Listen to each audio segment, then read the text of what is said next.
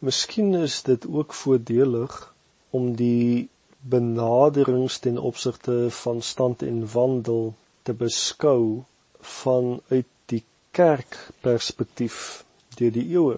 Deur die tyd heen is daar basies twee teologiese uitgangspunte rakende die stand en die wandel, naamlik die gereformeerde teologie en die evangeliese teologie.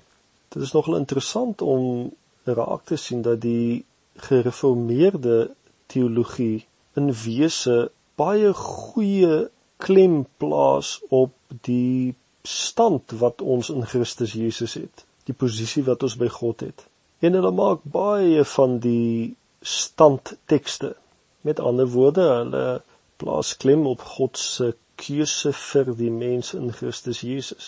Die evangeliese teologie daarteenoor plaas weer baie klem op die wandelaspek en konsentreer op die mens se besluit vir God.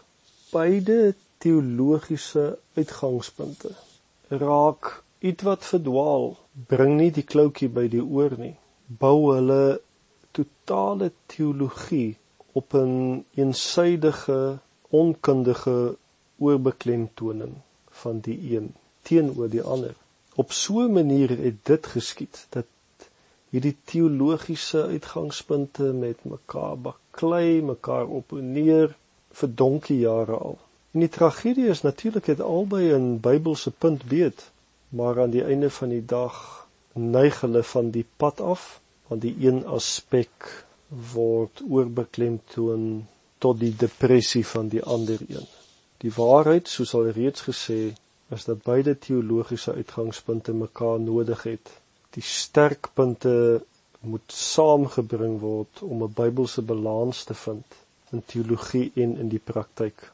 Ongelukkig so het die duiwel dit reg gekry om polarisering te bring in die aspekte van stand en wandel in die woord.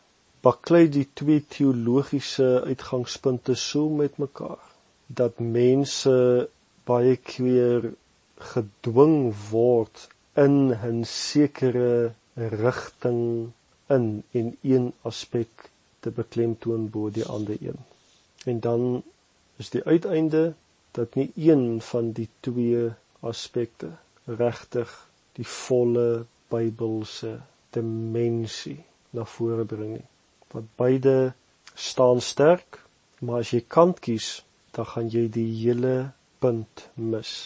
Ek hoop dus dat in die poging tot verduideliking van die twee aspekte wat saam rigting gee soos die stawe van 'n treinspoor dat hierdie bydra die baklei en die eensydige blindheid sal verwyder tot 'n diepe verstaan en versoening in die liggaam van Christus.